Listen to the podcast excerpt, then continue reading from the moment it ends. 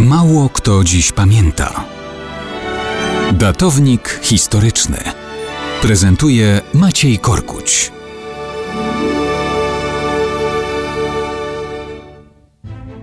Mało kto dzisiaj pamięta, że 29 grudnia 1989 roku kontraktowy Sejm PRL przyjął ustawę o zmianie konstytucji PRL. Najbardziej wyrazistymi elementami tej zmiany było wprowadzenie nowej nazwy państwa i nowych symboli. Likwidowano wymyśloną w czasach Stalina nazwę Polska Rzeczpospolita Ludowa i wprowadzono nową symbolikę państwa białego, ukoronowanego już teraz orła na czerwonym polu. Od tej pory państwo miało funkcjonować pod nazwą i symboliką wprost nawiązującą do czasów II Rzeczypospolitej. Sejm PRL stał się formalnie Sejmem RP.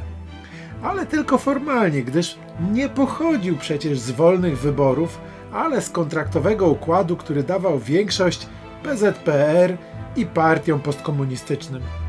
Sejm ten działał wbrew plebiscytowemu wymiarowi wyborów 4 czerwca 1989 roku, kiedy Polacy, mogąc swobodnie głosować jedynie na 35% mandatów, jednoznacznie poparli Solidarność, odrzucając PZPR i jej przebudówki.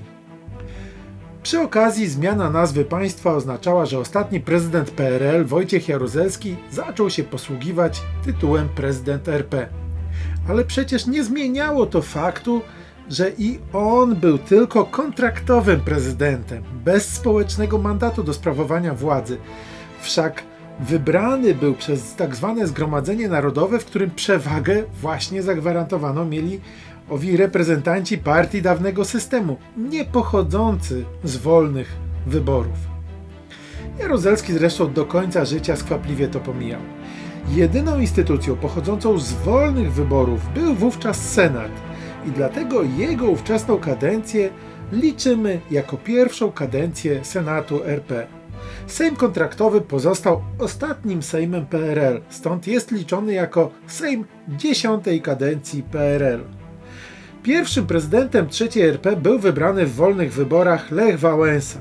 Na pierwsze wolne wybory do Sejmu RP musieliśmy jeszcze czekać aż do jesieni 1991. Wtedy wybrano Sejm pierwszej kadencji i Senat drugiej kadencji. I tak Rzeczpospolita Polska jest bodajże jedynym państwem świata, gdzie w każdych wyborach wybiera się dwie izby parlamentu o kadencjach numerowanych inaczej.